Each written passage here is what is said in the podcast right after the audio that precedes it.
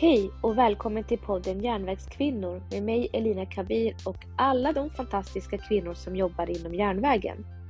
I varje avsnitt kommer jag gästas av en järnvägskvinna och vi kommer prata om våra yrken, om hur det är att vara kvinna inom branschen och mycket mer. Jag själv jobbar som trafikplanerare på SJ. Först ut i detta avsnitt kommer du få träffa järnvägskvinnan Betty Jarra som är konduktör på Roslagsbanan.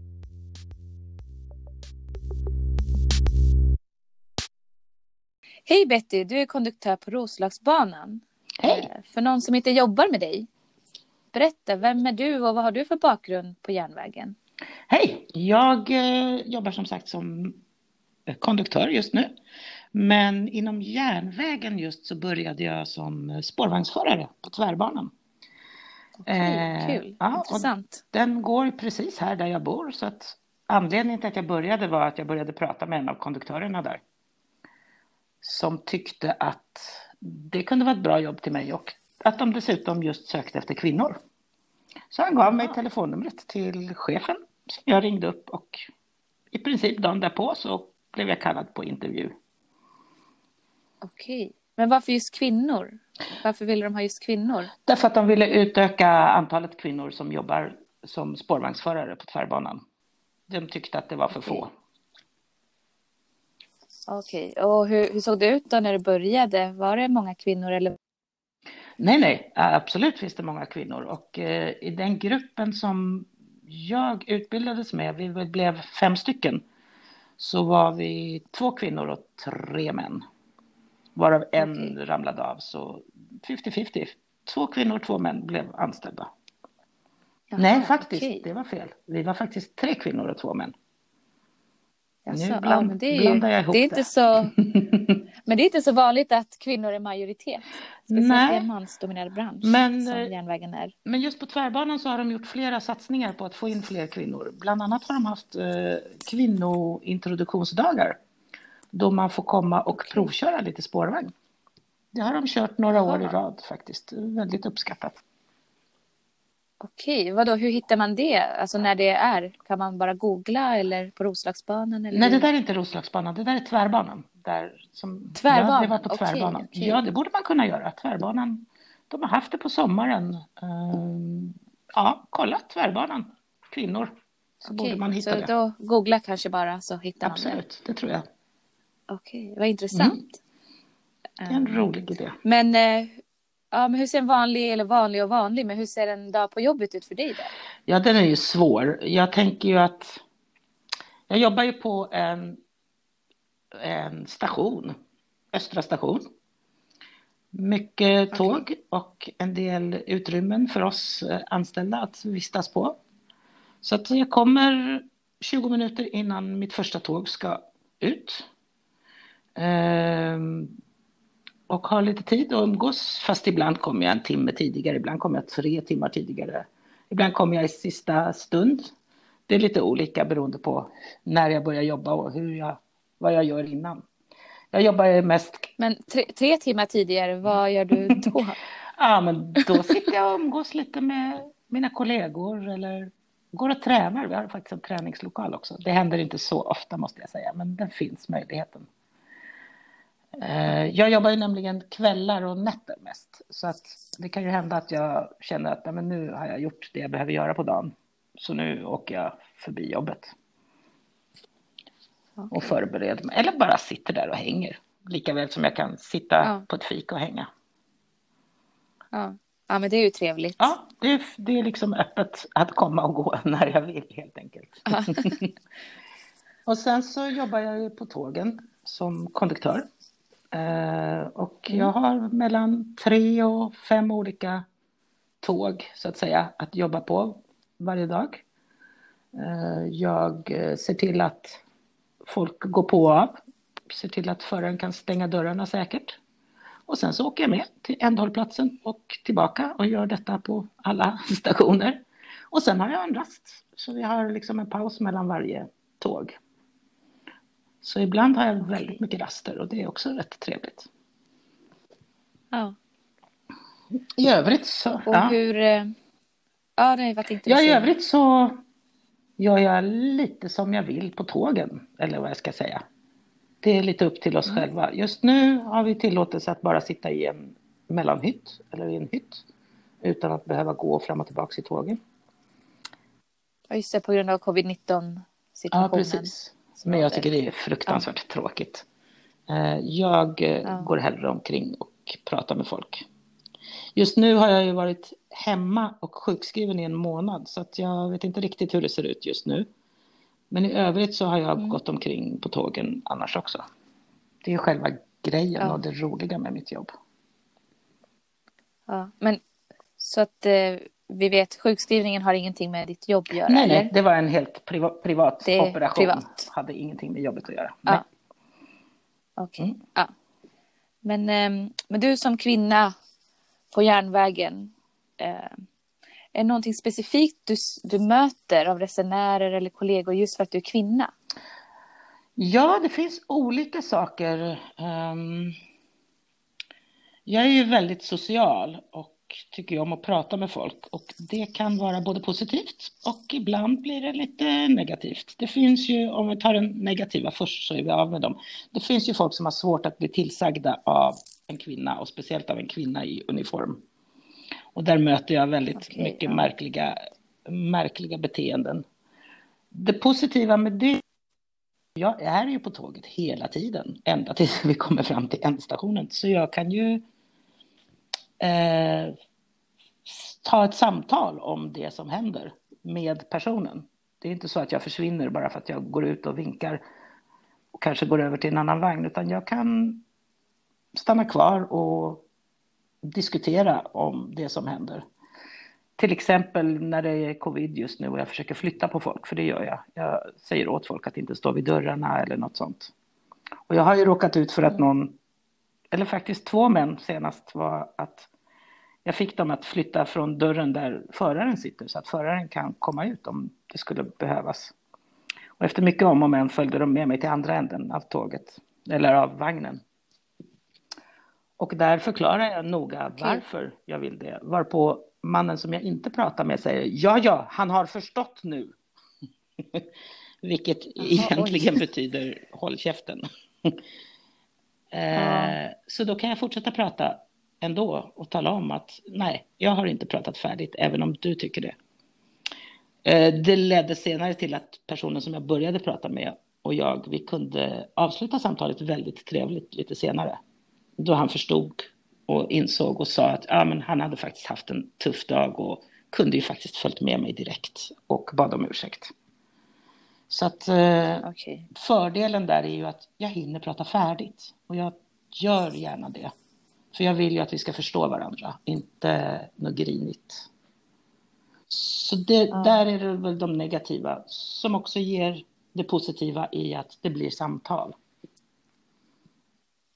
Men du som jobbar nattpass, jag tänker oftast då brukar det vara mycket berusade människor på, alltså på nätterna och sådär. Möter du, möter du sådana människor också? Har du mött något hot? Och, och man läser ju mycket om tidningar att tåg, tågvärdar, de som jobbar på tågen, möts av hot och sånt. Har du upplevt, du blivit hotad på något jag vis? Jag har upplevt lite av det, men inte alls nu. Utan det hände mer i samband med att vi kontrollerade biljetterna. Då okay. det blir ju, kan bli en sån situation där folk vägrar betala och det är min uppgift att avvisa dem från tågen. Nu är jag inte en speciellt rädd person och har väl klarat av att avvisa de flesta helt okej. Okay. Men det är det mest fantastiska att jag slipper göra det nu. Det är inte mitt jobb. Jag struntar i om mina resenärer har biljett eller inte, utan jag de frågar, några frågar faktiskt, vad gör du nu då när du inte behöver titta på biljetterna? Och jag säger att ja, men det är inte det viktigaste. Det viktigaste är ju att jag jobbar med säkerhet. Men framförallt så är mitt jobb numera att ja. vinka och vara trevlig. Och det tycker jag är ett bra jobb. Okej. Okay. Ja. Men du känner, att, du känner att du är säker i den här situationen? Ja, jag har alltid känt mig säker. Som jag har ju dessutom, nu har jag jobbat två år på Roslagsbanan Eh, jag var på Saltsjöbanan innan, men jag känner ju också hela tiden i och med att jag eh, har alla de andra resenärerna omkring mig, att jag har ett stöd i dem. Beroende på hur jag jobbar. För jag jobbar på ett lite Okej. speciellt sätt. Ja. Hur då? Speciellt sätt? Jag jobbar med synliggörande. Det vill säga, ja, Synliggörande? synliggörande. Jag tycker att det är väldigt, väldigt mycket Ja. osynliggörande runt omkring oss i världen. Bara att kliva ut från ett tåg och få människor rakt i ansiktet som låtsas att, de, att man inte syns är ju en rätt vanlig. Folk går på en på trottoarerna och så. Ehm, så vi blir ju osynliggjorda väldigt mycket. Så jag jobbar med motsatsen, jag jobbar med synliggörande, det vill säga jag går igenom tågen. Och när jag började på Roslagsbanan, eh, där det är väldigt trångt i gången där man ska gå och i början jag, så var det ju ganska fullt på tågen också, så bestämde jag mig för att det är inte min uppgift att väja för folk. För jag kommer få ont i ryggen, jag kommer att tappa balansen och det blir jobbigt för mig rent ergonomiskt att jobba på det sättet. Samtidigt så tycker jag inte om att putta på folk så att jag pratar med dem. Jag talar om att här kommer jag, ursäkta, kan du vara vänlig och flytta på dig? Och eh, i början var de lite förvånade men numera gör de det väldigt vänligt och direkt. Eh, det gör ju också att jag pratar med väldigt många. Och särskilt det här på kvällen när du frågar om folk är fulla eller så. De är inte så mycket fulla men de kan vara trötta. Men jag hälsar på folk. När det är väldigt få personer i mina tåg. Det kan hända att det bara är 10-15 stycken på ett helt tåg. Då går jag runt och hälsar personligen på var och en. Istället för att prata i högtalarna. Jag talar om att jag ser dem Okej. och de ser mig tillbaka. Och jag har haft resenärer som blir Ja. väldigt förvånade och säger att de aldrig någonsin har pratat med en konduktör. Och det här gör ju att min arbetsplats blir väldigt trevlig för mig och jag blir ju sedd om mina resenärer känner igen mig och vet hur jag jobbar. Och tackar mig och vinkar åt mig när de kliver av och ja, det blir positivt för alla. Ja. Jag brukar sä- Ja, du verkar ha ett väldigt Ja, jag har socialt ett jobb. väldigt socialt jobb. Och jag brukar säga, jag kom på en gång och jag har använt det när jag förklarar att eh, vad jag förstår så jobbar du på ett kontor. Eller hur? Mm. Och, Ja. och på ett kontor kan man ju Ja. hänga upp fotografier på sina barn eller man kan ha blommor och tavlor och sånt och göra det vackert omkring sig. På tåget är mina resenärer mina blommor. Så jag går runt och vatt- vattnar dem och pratar med dem. Så blir det trevligt på mitt jobb. Ja. Vilket, vilket fint sätt att se resenärerna på. Och annorlunda kanske. ja, men det är min arbetsplats och jag försöker göra den så positiv som möjligt för mig. Det är ju det. Ja. Det är där jag Ja, är det- hela dagarna. Det är så det ska ja. vara. Ja, det är det. Man ska ju trivas på arbetsplatsen och tycka det är Absolut. roligt att gå till jobbet. Och dessutom har jag de här fantastiska ungdomarna som jag kan prata med. Som blir alla Vilka ungdomar ungdomar? som blir fruktansvärt mycket osynliggjorda. Folk lyssnar inte på dem, Okej. folk ser dem inte, folk har bestämt sig att ungdomar är otrevliga eller i vägen eller stör. Så jag pratar Ja. väldigt mycket med ungdomar. Eh, ibland lägger jag mig i när jag hör saker som de säger och sitter och pratar. Så att det händer ju att folk, att ja, det blir viktiga saker sagda. Och att de vill att jag ska komma och prata med dem. Men du verkar vara en person som inte liksom är rädd att ta tag i fördomar. Nej, absolut inte. Att folk kan liksom ha fördomar om, om som du sa om ungdomarna. Att du liksom går dit och pratar och synliggör och liksom går emot de Ja, fördomar ja, som absolut. finns. Och, och det är så små saker som de flesta redan har vant sig vid.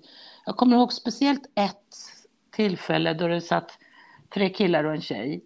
Såg ut att vara jättebra kompisar med varandra. Och tjejen frågar mig om det går några snabbtåg.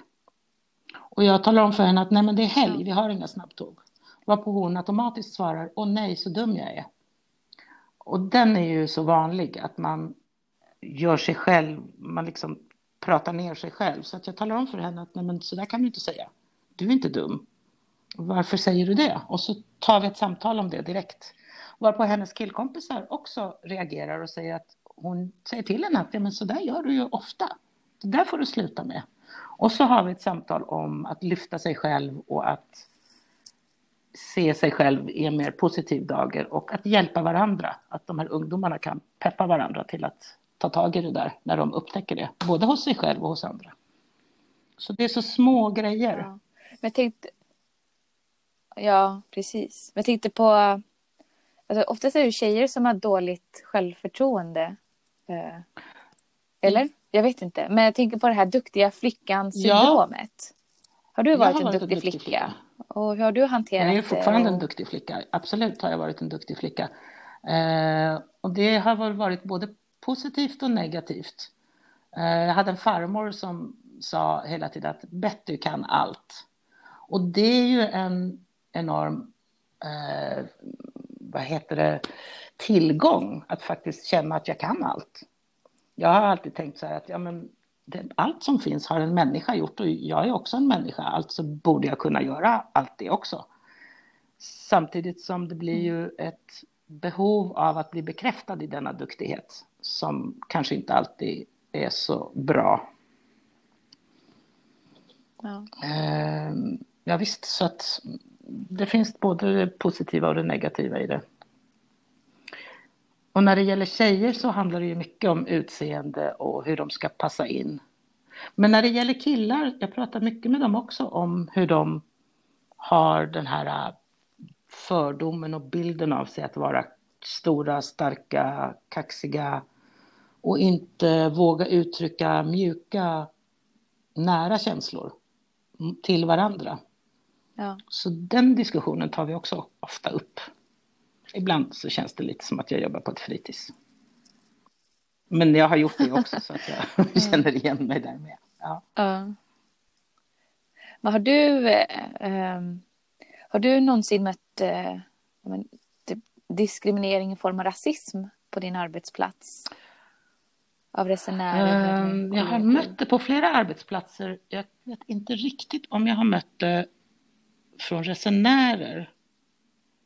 Eh, där handlar det mer om fat shaming. Jag är ganska tjock så att sånt dyker upp. Men rasismen har jag ha- hört i eh, vårat eh, vilorum eller vad jag ska säga. Där vi samlas bland kollegor.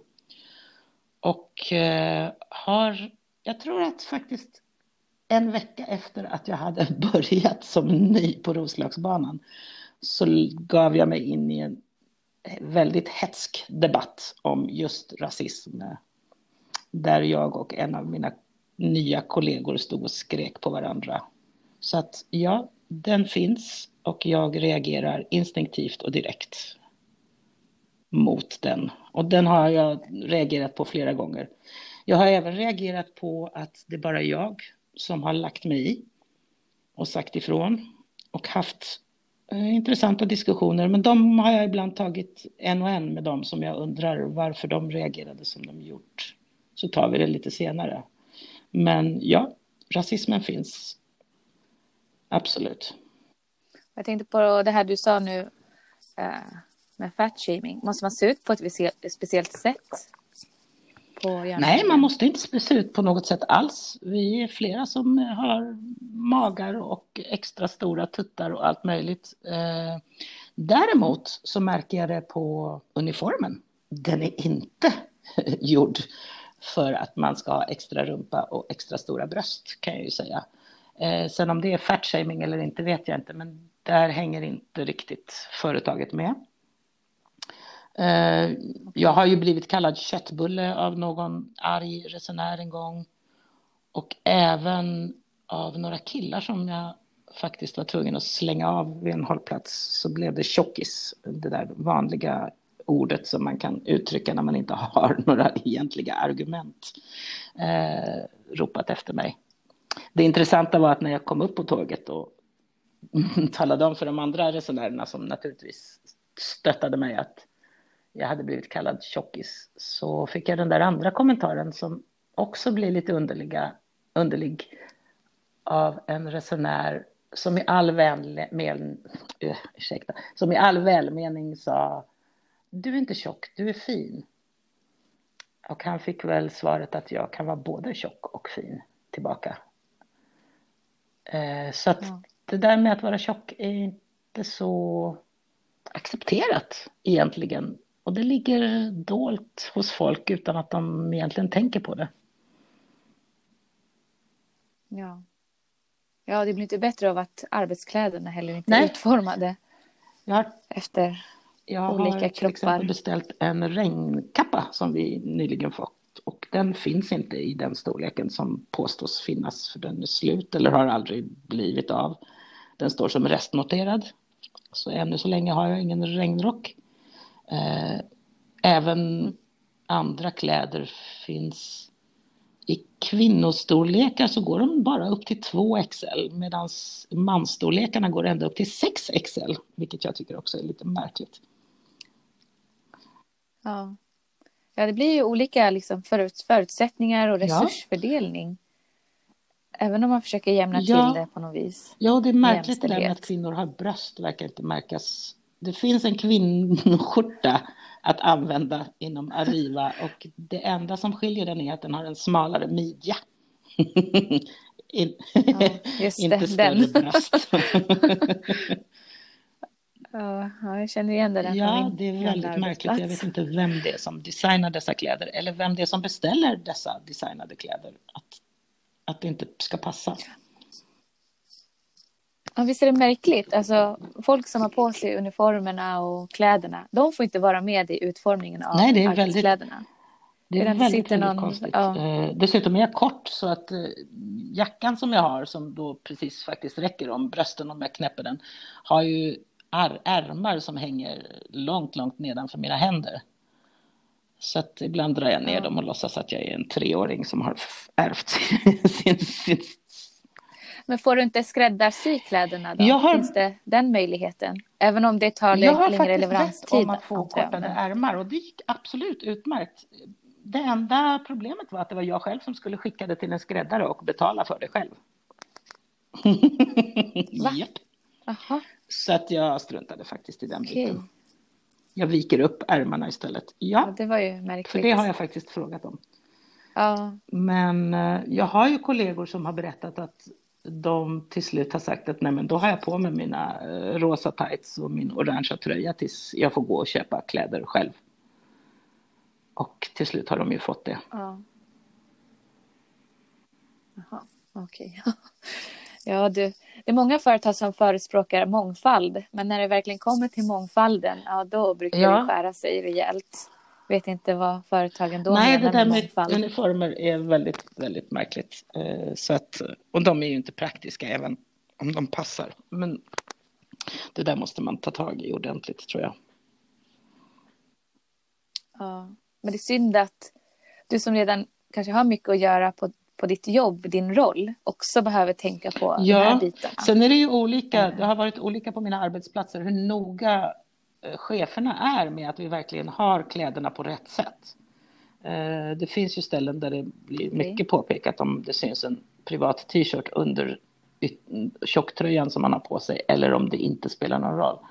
Så att eh, det, det är också lite chanstagning vem man har som chef, liksom hur, hur man får klä sig eller se ut.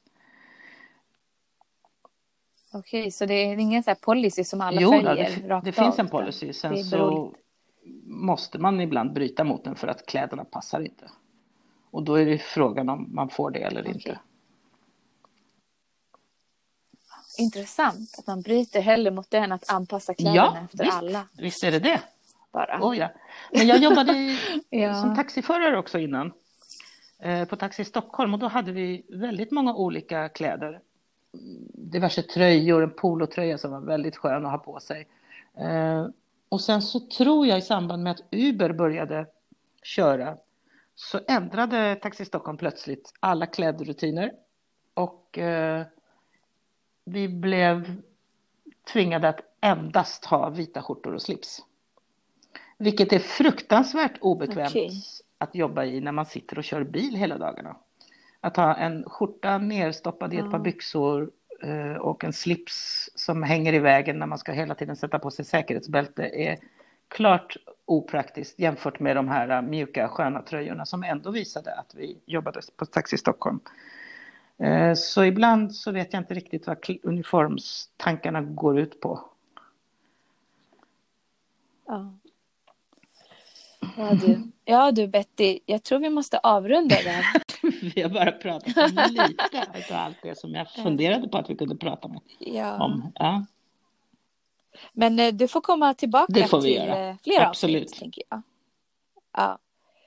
Men eh, tack så mycket och tack för att du är en Tack del av själv och tack så Järnvägskvinnor. väldigt mycket för att du har startat den här gruppen, Mm, eller ni har startat den här gruppen Järnvägskvinnor som jag tycker verkligen behövs och som det syns att den behövs. Mm, tack. Och tack till dig som lyssnat. Glöm inte att prenumerera på podden. Vi hörs.